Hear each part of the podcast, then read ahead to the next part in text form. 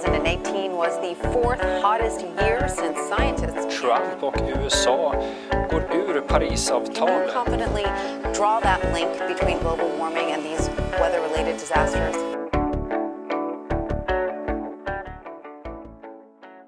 Välkommen till ett nytt avsnitt av Planet och politik eh, med mig Lorentz Tovatt. Eh, Det är ju så att i den här podden har jag tidigare haft ett generellt brett samtal med eh, Kristina Östman om 100% förnybart. Sen har jag fördjupat mig i solrevolutionen eh, med Johan Lindahl. Det här är ju tidigare avsnitt som ni gärna får lyssna på om ni inte har gjort det redan. Den här gången ska jag ta det vidare och prata mer specifikt om vinden eh, och vindenergins framtid. Och med mig har jag Linda Burenius som är ordförande för nätverket 100% förnybart. Hon jobbar dessutom själv inom vindbranschen och hon är dessutom senior advisor på Global Challenges Foundation. Eh, Så att hon har riktigt bra erfarenhet eh, kring de här frågorna. Vi kör igång helt enkelt.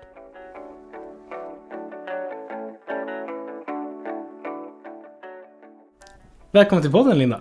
Tack så mycket. Hur står det till? Det är bra. Mm, Och hur mår du? härligt. Eh, bra, det är bra. Ehm, första gången på länge som jag har varit inne nu och röstat i riksdagen. Ja, Det sker ju verkligen inte varje dag nu för tiden. nej. Ehm, du, så här är det. Vi har ju haft, i den här podden innan så har jag haft flera som pratat om 100% förnybart eh, och eh, även solrevolutionen. Och nu tänker jag att det är inte mer än rätt eh, att, att vi även pratar om vindrevolutionen. Ja. Känner du igen det att man kan säga att vi, vi lever i en vindrevolution?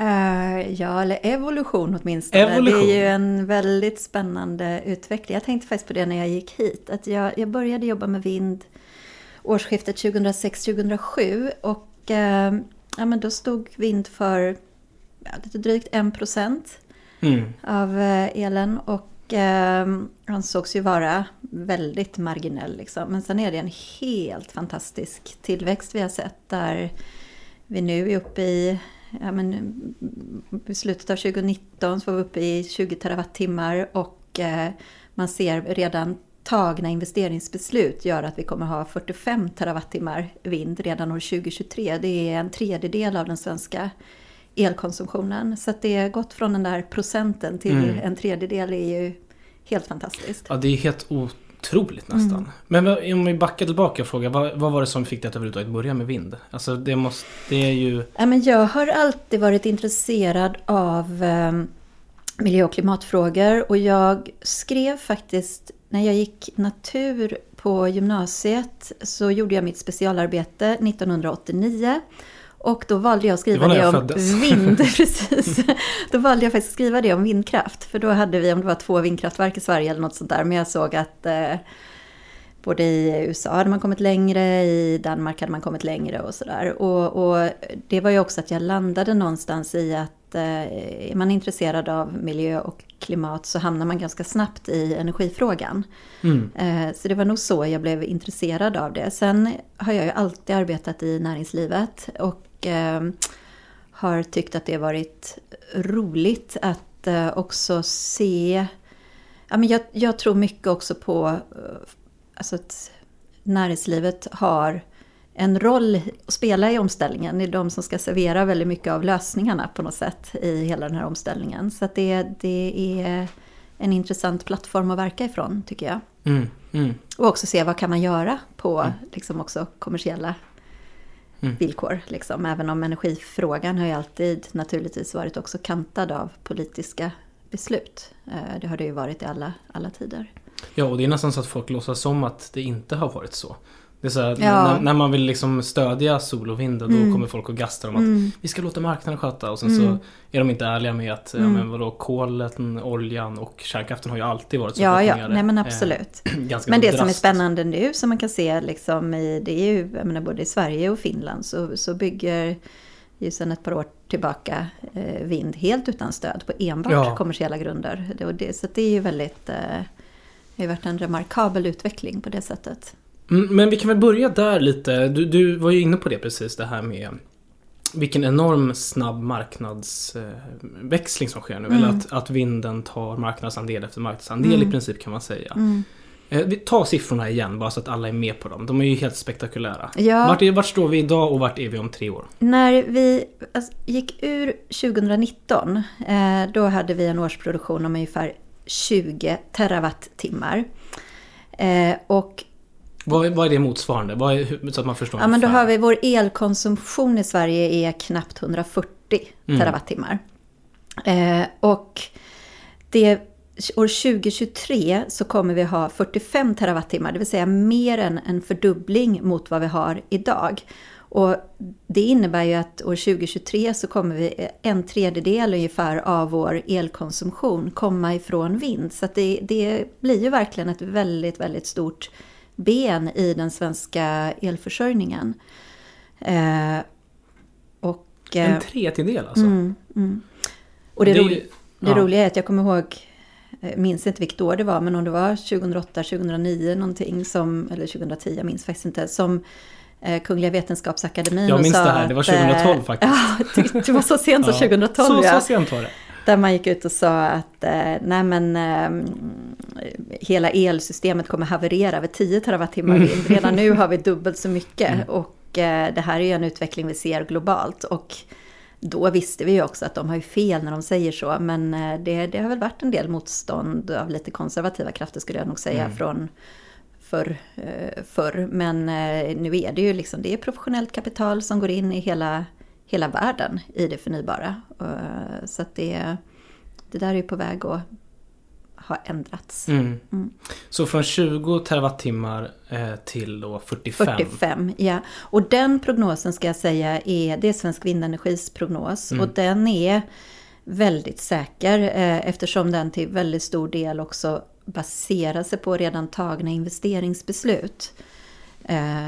Så att det, det, det är klart att sen kan skilja några procent hit eller dit. Men i stora drag så handlar det om en sån utveckling vi kommer se de närmsta åren. Så Det är ju ändå en explosion. Ja, explosion. det är det. Och det intressanta är att det också sker utan att det blir fler verk. För att det har varit en sån stark eh, teknisk utveckling. Så att det, varje verk producerar mer och mer. Så att det är inte så att vi behöver ta större ytor i anspråk Mm. eller sådär. Ehm, Ja, det där är jättekul för att jag var precis, så passande precis tidigare idag så var jag då på ett seminarium hos Svensk Vindenergi. Mm. Och då var den sista frågan som, de, som vi politiker fick, eh, eh, det var just om vi ska klara att ha ett 100% förnybart elsystem till 2040 ungefär och då ska vi ha 100 terawattimmar Mm. eh, vind. Hur många vindkraftverk krävs? Mm.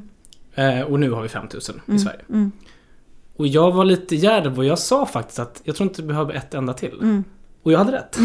precis. Därför att liksom, eh, vi kan komma tillbaka till det en del tänker jag, men liksom att eh, teknikutvecklingen går så pass snabbt. Ja. Men, vi, men vi kan återkomma till Ja, det, för vi jag tänkte att vi ska mm. prata ganska mycket om det. Men, men, men om, vi, om vi börjar med att stanna där då. Eh, vi har pratat om den här explosionen som sker, fördubblingen som sker de närmsta tre åren.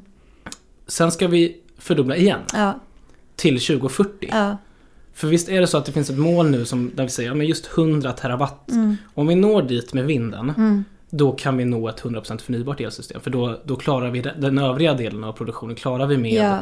med sol, med Ja. vatten, med lite biokraft och lite sådana där saker. Och då räknar man väl med att ungefär hälften kanske kommer komma från vind. För att då räknar man ju också med att fram till dess så kommer själva elkonsumtionen troligen ha ökat Mm. på grund av att vi eh, elektrifierar stora delar av transportsektorn men även industrin. Mm. Eh, Så att det kommer behövas mer el för att klara våra klimatmål. Mm. Ehm, Så att, och, och jag, hur vi ska komma dit så ska jag säga att det finns både väldigt många positiva eh, förutsättningar, eller god, det finns goda förutsättningar för det ska jag säga i form av att vi har en väldigt så vi har väldigt goda vindförhållanden i Sverige så att det här är ju en naturresurs som vi har väldigt goda för, liksom, eh, förhållanden för i, i Sverige och i Norden. Eh, vi har också goda förutsättningar i den mån att vi eh, har inte Alltså vi har en ganska låg befolkningstäthet, vi har stora landytor och så vidare.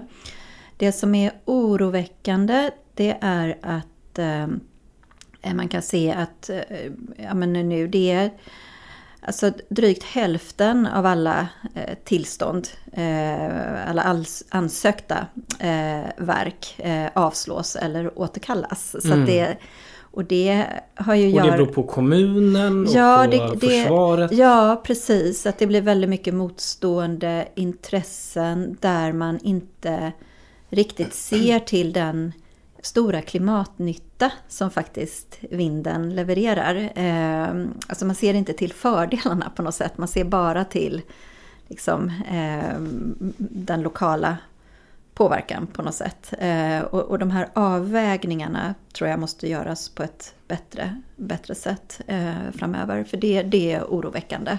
För någonstans om vi ska vi klara våra klimatmål så behöver vi också vi behöver en elförsörjning och det billigaste och mest klimateffektiva sättet att göra det på är att, att bygga ut det förnybara. Och vi borde kunna få plats om det inte ens blir fler verk än vad vi har idag. Eh, Precis. Men du tror ändå att det är fullt möjligt att nå de här 100 terawattimmarna? Om vi liksom lyckas med Ja, planeringen? om vi, om vi lyckas röja liksom de, eh, och hantera de hinder och avvägningar som behövs så finns det ju jättegoda förutsättningar för det.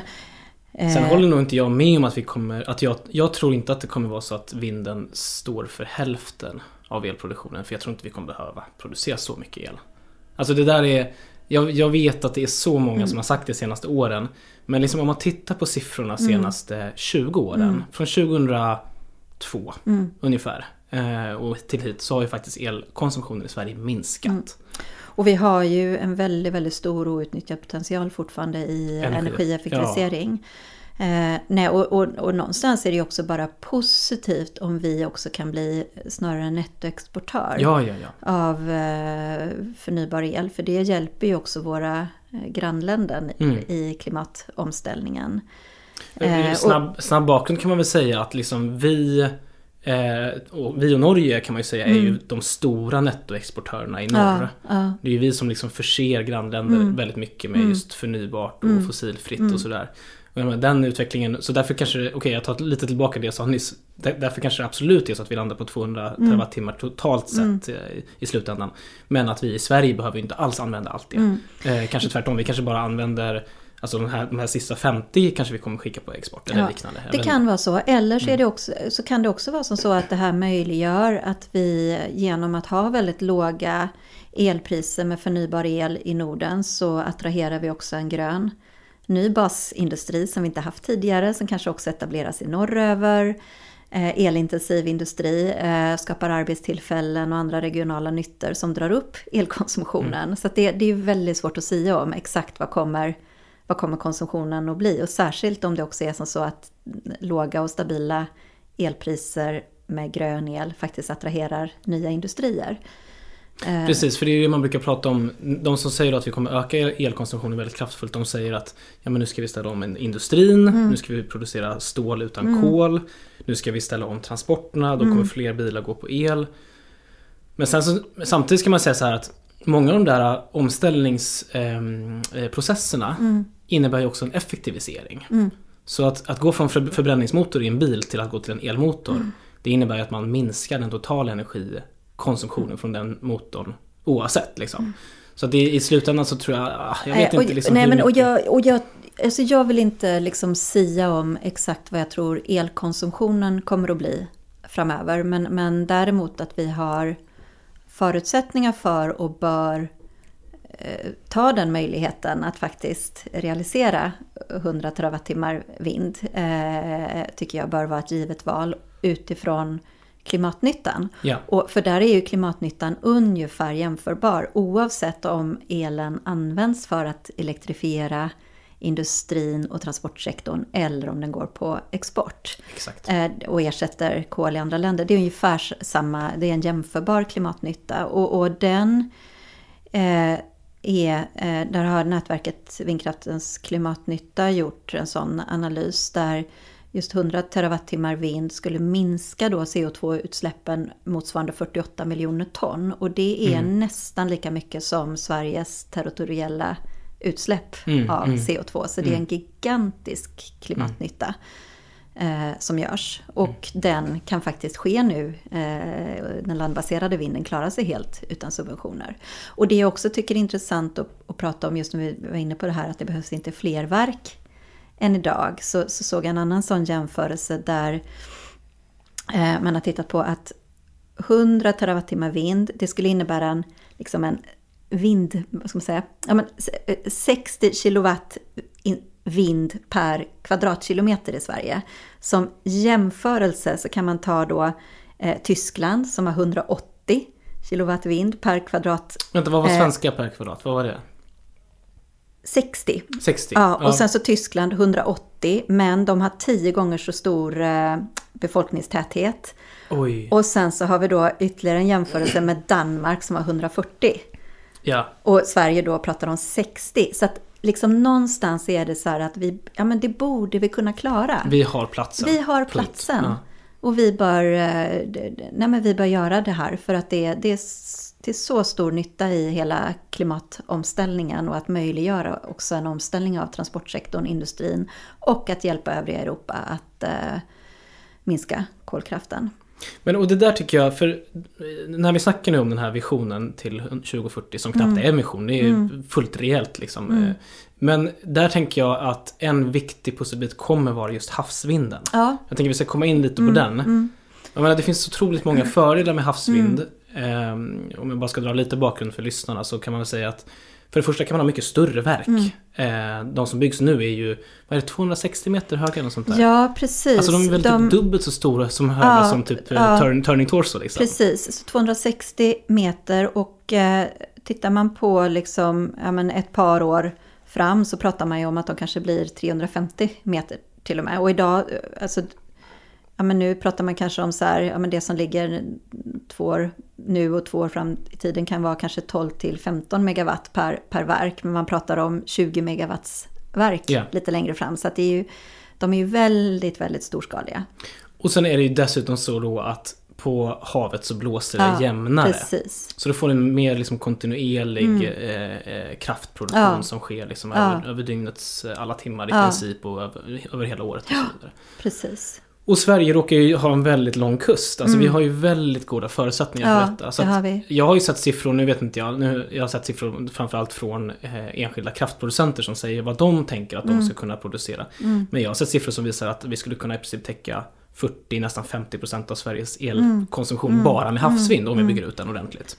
Och jag tror en annan fördel med, med havsvinden förutom just det att du har väldigt, alltså att du kan också få ut ännu mer Ja. av, av varje verk och du har liksom jämnare vindar till havs och så vidare. Så är det ju också att du kan också bygga, tittar man nu i södra Sverige och eh, Skåne där eh, vi ändå har rätt mycket åldrad kraftproduktion i form av kärnkraften som kommer behöva tas ur drift så småningom. Så, så behöver ju det ersättas av ny kraftproduktion när det nu än blir. Och där i södra Sverige finns det inte heller så stora ytor. Det är ju ändå ganska tätbefolkat. Du kan inte riktigt Mm. bygga storskalig vind, landbaserad vind på samma sätt där. Men däremot den havsbaserade vinden går ju jättebra att jacka in där. Det som också är spännande med eh, havsbaserad vind tycker jag är att när du väl, för då bygger du också en infrastruktur ute till havs. Eh, och, och eh, alltså med olika plattformar och så vidare. Att det också går att liksom hitta synergieffekter där att göra andra typer av projekt för att öka till exempel eh, ja, men havsmiljön eller den biologiska Mm. mångfalden och så vidare. I Östersjön till exempel. Så det, det finns väldigt mycket sådana synergier man kan vinna. Jag har eh, hört att de här fundamenten som de står på är väldigt viktigt för det marina livet. Alltså det att det bara bidrar jättepositivt Mm, till marina livet. Så tillvida att man kan, det, det är liksom Ja, det blir massa påbyggnader Mm, på, på de här fundamenten enkelt. Och sen finns det ju förstås också utmaningar. Eh, tum, Absolut, tumlare, eh, det absolut. finns ju massa Det finns Nej, men- delar av det marina livet som, som kan eh, skadas helt enkelt. Ja. Som man måste ta hänsyn till naturligtvis. Absolut. Nej men så är det ju. Så det är, och så är det ju eh, liksom i alla den typen av prövningar. Att man Mm. alltid måste väga olika. Och här har ju Sverige inte riktigt kommit igång. Nej, Och det får man ju bara erkänna och där har ju vi från politiken varit för sega. Det har ju tagit alldeles för lång tid att få, få till de stödmekanismer som behövs. Och där har ju, jag tror att det är, det är UK tror jag som är absolut längst fram. Mm. Ja, men och, där, och, och jag tror, för det, det ska man ju ändå ha i åtanke att den landbaserade vinden klarar sig ju nu helt utan subventioner. Den havsbaserade är fortfarande lite dyrare. Det som behövs där, det är ju, eh, och det är ju egentligen, handlar egentligen om att också få likvärdiga villkor som våra grannländer. Eh, för där, där får man den, liksom det stödet. Ja. Och det är att eh, slopa eh, anslutningskostnaden. Och det var ju också någonting som låg i energiöverenskommelsen. Så och att bas- den väntar ju här, alltså branschen. anslutningskostnaden, det är att när då Nej. Mm. Svenska kraftnät ska bygga ut nätet till de här anläggningarna så ska inte de ta i värsta stora kostnaden helt enkelt. Det är det det handlar om, bara så att det är bakgrund. Ja. Precis, så att den är ju viktig att få på, få på plats. Mm. Eh, Men då har ju sen Sverige jättegoda förutsättningar även för havsbaserad, Mm. havsbaserad vind. Ja men det är väldigt, alltså det är ganska intressant att se nu ändå i de andra länderna. Alltså UK som senaste tre månaderna inte har eldat en enda bit Mm. kol. Mycket på grund av havsvinden. Sen jättemycket på grund av eh, EUs utsläppshandel som, som ju vi gröna har varit med och styrt upp lite. Men ehm, Danmark som ju går jättebra med havsvinden. Nu har ju till och med Polen då, som är det här, liksom det här kolälskande Ja. landet. Till och med de har ju liksom tagit fram planer nu på att vi ska liksom bygga jättestora mängder Ja. havsvind. Ja, Och men- Tyskland. ja. Alltså det är väldigt spännande. Så att, och där, jag menar, vi måste komma igång med Ja, det. nej men, och jag kan tycka generellt kan jag tycka det att det är, tittar vi på vad som händer liksom i andra länder och globalt, det här växer jättemycket. Och ibland kan det låta som i debatten i Sverige att vi på något sätt tittar bara på Sverige. Men vi är ett ganska litet land, vi är en del av världen.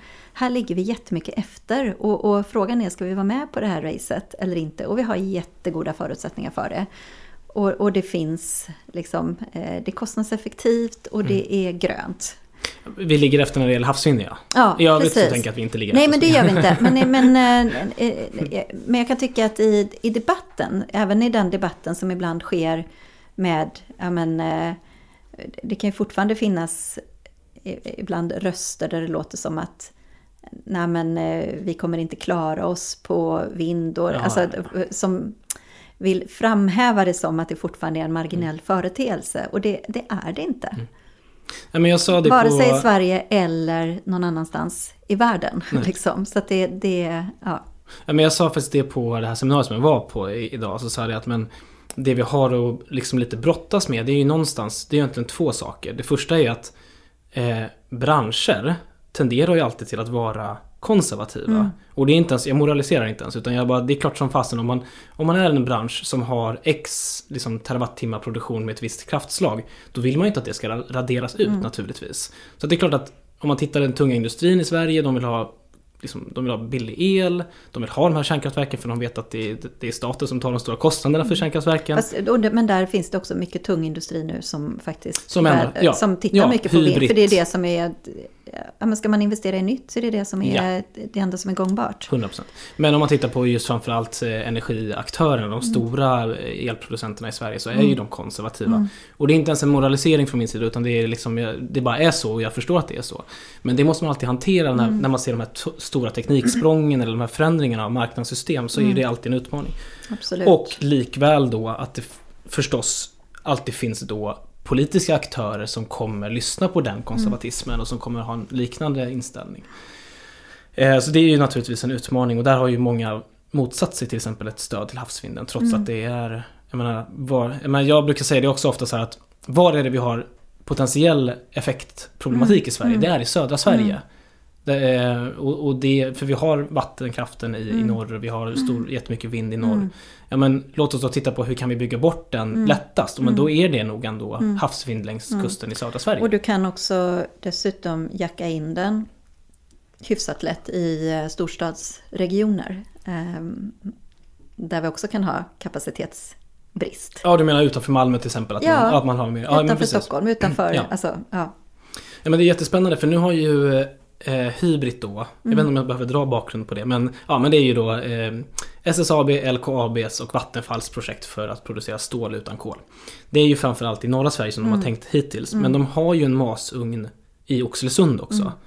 Och där är det perfekt att smälla upp en jättestor havsvindpark utanför, dra en ledning in, producera vätgas, eh, använd vätgasen i, i stålproduktionen. Då har du ett slut, mer eller mindre slutet perfekt Ja. kretslopp som är 100% hållbart. Ja.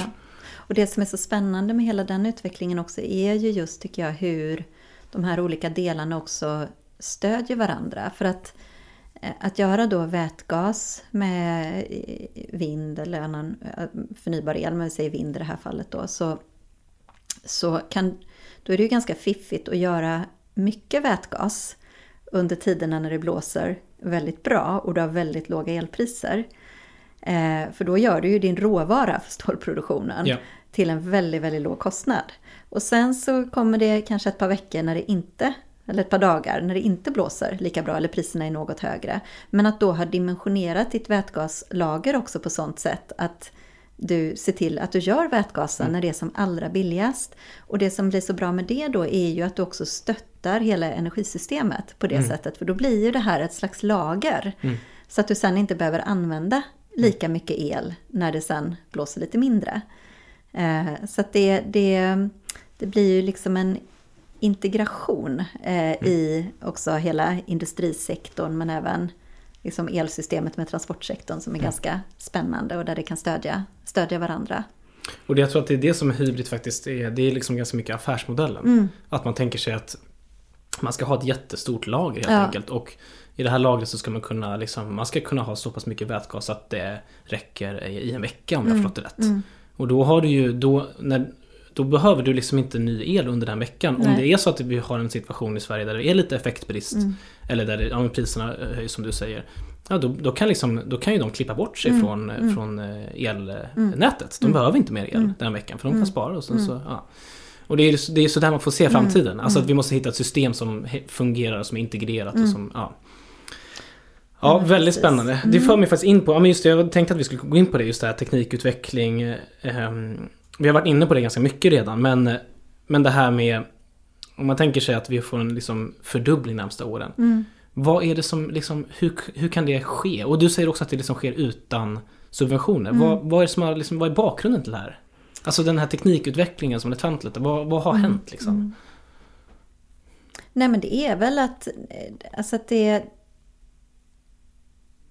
det har varit en kombination skulle jag säga av såväl teknikutveckling, att det hela tiden blir högre och bättre och mer effektiva verk med fler liksom fullasttimmar och högre kapacitetsfaktor och så vidare. Att, att, men sen också en kombination med eh, storskalighetsfördelar. Att Just det här det. är ju en global marknad nu med gigantiska volymer. Eh, som också hjälper till att pressa eh, kostnader.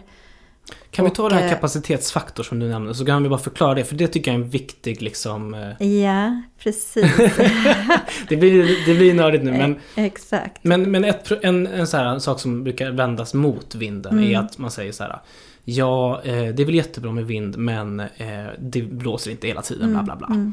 Och då brukar man prata om det som kallas för kapacitetsfaktor, det vill säga hur mycket av jag, jag, jag är inte exakt, på definitionen, men Mm. hur mycket av tiden s- eh, produceras det egentligen på max, kap- max eh? Ja, precis. Så att det är kapacitetsfaktorn beräknas väl genom att antalet fullasttimmar Ja, eh, dividerat i årets timmar, så att Ja, säga. Ja, ja. Det är liksom det man kallar för kapacitetsfaktor. Sen ska man ju ändå komma ihåg att, att ehm, vindkraftverken så att om jag, om säger- som nu, de här nya havsbaserade verken till exempel, där pratar man ju om alltså en kapacitetsfaktor på drygt 50 procent, men kanske ja, men att det går upp mot 57 procent. Ja, jag har till hört 60, Ja, ja. så närmare 60 procent. Eh, och på landbaserade, det som byggs nu, ligger kanske på 40 procent ungefär, skulle Ja. jag tro.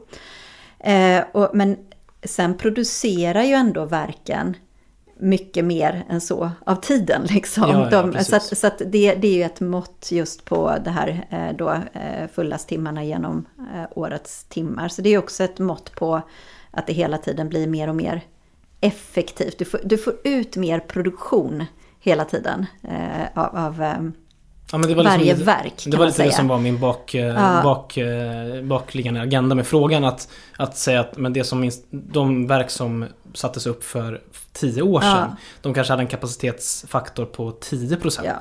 Ja, men så Medan nu är vi redan uppe skillnad. på 40 Ja. och teknikutvecklingen tar oss ännu högre Ja, framöver. precis, precis. Och det är också därför som vi kan ha färre, ehm, Färre verk, färre ja, verk precis. Men sen så finns det ju även andra dimensioner i det här som jämnar ut. Liksom just det här att genom att ha en geografisk spridning så är det så att det, är- det är eh, Eh, ja, men blåser det inte så mycket i söder så kan det blåsa mycket i norr. Och, och alltså att du har en geografisk spridning på det sättet jämnar ju ut det. Det blåser också alltid mycket mer på vintern än vad det gör på sommaren. Eh, genom att sen, som, som jag ser det mycket, så är det att vi kommer ha ett system där liksom vår baskraft i systemet, det blir vind. Det är det som ligger. Den nya baskraften är vind. Den ligger i botten och den varierar eh, vindproduktionen beroende på vindförhållanden och beroende på att ja, vintern producerar den mer och sommaren producerar den lite mindre. Sen ovanpå den här baskraften som är vind så har vi då vattenkraften som är fantastisk. Vi har så otroligt goda förutsättningar för förnybart system i Sverige med vattenkraften som vi då kan reglera med eh, för att jämna ut. Och sen kommer vi ha vissa extremsituationer där vi kan ha extremsituationer där det exempelvis blir en sån här tioårsvinter eller vad vi säger. Eh, och, det har man ju räknat på, det är väldigt lite tid egentligen som det blir så, men de måste ju ändå kunna hanteras. Liksom. Där vi säger att det blir smällkallt och det blåser inte och vad det nu är. Liksom.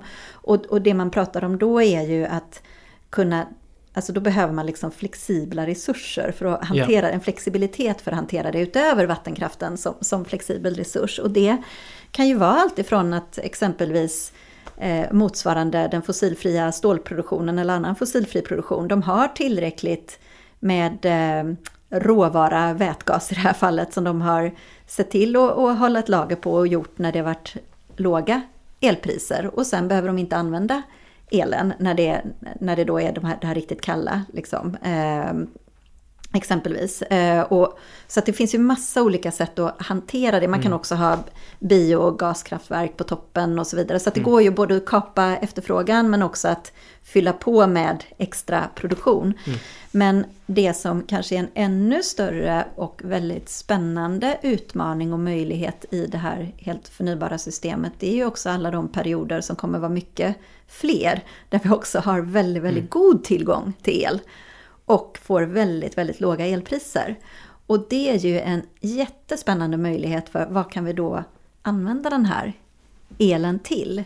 I form av liksom nya affärsmodeller som jag tror kommer växa fram. Och det, det kan ju vara alltifrån det, jag menar att då, det är då man, man dimensionerar sina vätgaslager på ett sånt sätt så att man suger upp väldigt mycket mm. el eh, under sådana perioder. Mm. Eh, så det, och sen finns det ju också de här kortare variationerna som hanteras. Liksom, mm. Och där man pratar mycket också om ja, men bland annat hushållens flexibilitet. Att det kanske blir mycket mer också tjänsteorienterat. Det jag, vill, jag vill ha tjänsten av mitt elbolag. Att jag får ett jag vill kunna ha en varm dusch på morgonen. Jag vill att min elbil ska vara laddad när jag kör till jobbet.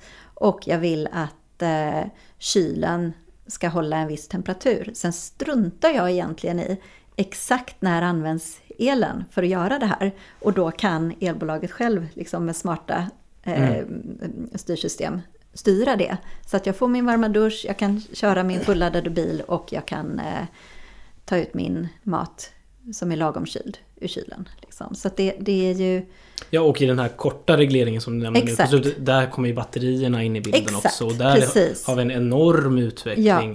Och även alltså själva bil, alltså bilbatterierna ja. kan ju också användas som en resurs i det här systemet naturligtvis. Precis. Så ja men där, där är... kanske det är så att nu, nu har jag ingen bil överhuvudtaget. Men om jag skulle ha en elbil så, så kan det också vara så att vi eh, säger att nu ja, men då kör, kör jag min elbil till jobbet. Sen vet jag att, jag, att bilen kommer stå eh, stora delar av dagen. Då, då skulle jag också kunna få betalt för att i vissa perioder faktiskt pumpa ut lite el ifrån Exakt. batteriet och stötta och i slutändan, det är det här som folk är rädda för. Då tänker folk sådär, oj men du kommer det bli dyrare med el. Men i slutändan kanske man får en billigare ja. räkning just på grund av det här. Ja. Att själva produktionen är billig i form av vind. Väldigt få, mm. eh, liksom väldigt liten driftskostnad mm. på det. Eh, och sen så, ja då får man sin el, men sen så om man är lite smart och anpassar ja. sig, ja då får man ännu billigare. Ja, därför att man bidrar till själva systemet. Precis. Liksom. Och, och det där är också, för det är ju inte heller så att jag, jag köper inte elbilen i det här fallet för att stötta elnätet, utan jag köper ju elbilen för att jag i det här fallet skulle vilja ha en elbil, om jag nu skulle vilja ha en bil.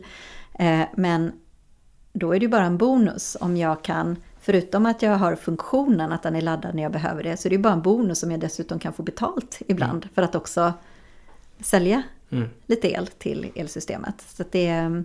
Det är det här jag, jag brukar, det här kanske jag har sagt tidigare i den här podden, men liksom eh, det är så ofta som vi som har velat ha förnybart genom alla år så har ju vi blivit stämplade som teknikpessimister. Mm. Men någonstans är det ju omvända roller mm. nu. De som inte tror att detta är möjligt är ju de som är pessimistiska. Mm. Allting visar ju på att det är möjligt. Alltså jag menar, bara utvecklingen hittills har ju Mm. Ja, ja. överträffat alla Nej, men och det här finns prognoser. tittar man på i Holland till exempel så, så gör man ju redan det här idag. Att du får lite, kan få betalt. Ja, och det är inte heller någon slump att typ Tyskland och Japan är de som ligger längst fram Nej. Mm. med vätgas. För att vätgasen fungerar bra med ett 100% förnybart, eller med Precis. stor mängd förnybara Exakt. Mm. andel. Liksom. Du, avrundningsvis, jag tänkte kolla Mm. med dig, liksom, nu har vi pratat eh, mycket om marknaden och liksom Mm. eh, eh, om hur det ser ut och hur det kommer se ut framöver. Men, men liksom, du, du har ju flera gånger varit inne på att men det här kommer inte ske av sig själv nödvändigtvis. Vad är det du ändå efterfrågar från politiken? Ja, eh, nej men det ena är ju, om man tar det här, det här kommer inte precis. Eh, det ena är ju det vi var inne på med eh, anslutningsavgiften till havsbaserat. Det är Ja. viktigt att sätta den på plats. Jag jobbar på det. Eh, det andra skulle jag säga är nätutbyggnaden är ju viktig. Och den är inte viktig bara för vinden, den är ju viktig för hela elektrifieringen. Eh, sen så Ja, och det... där, där kan man bara snabbt säga som bakgrund också till lyssnarna, men det här har vi pratat om tidigare. Men just det här um, insikten av att idag är vi en stor nettoexportör.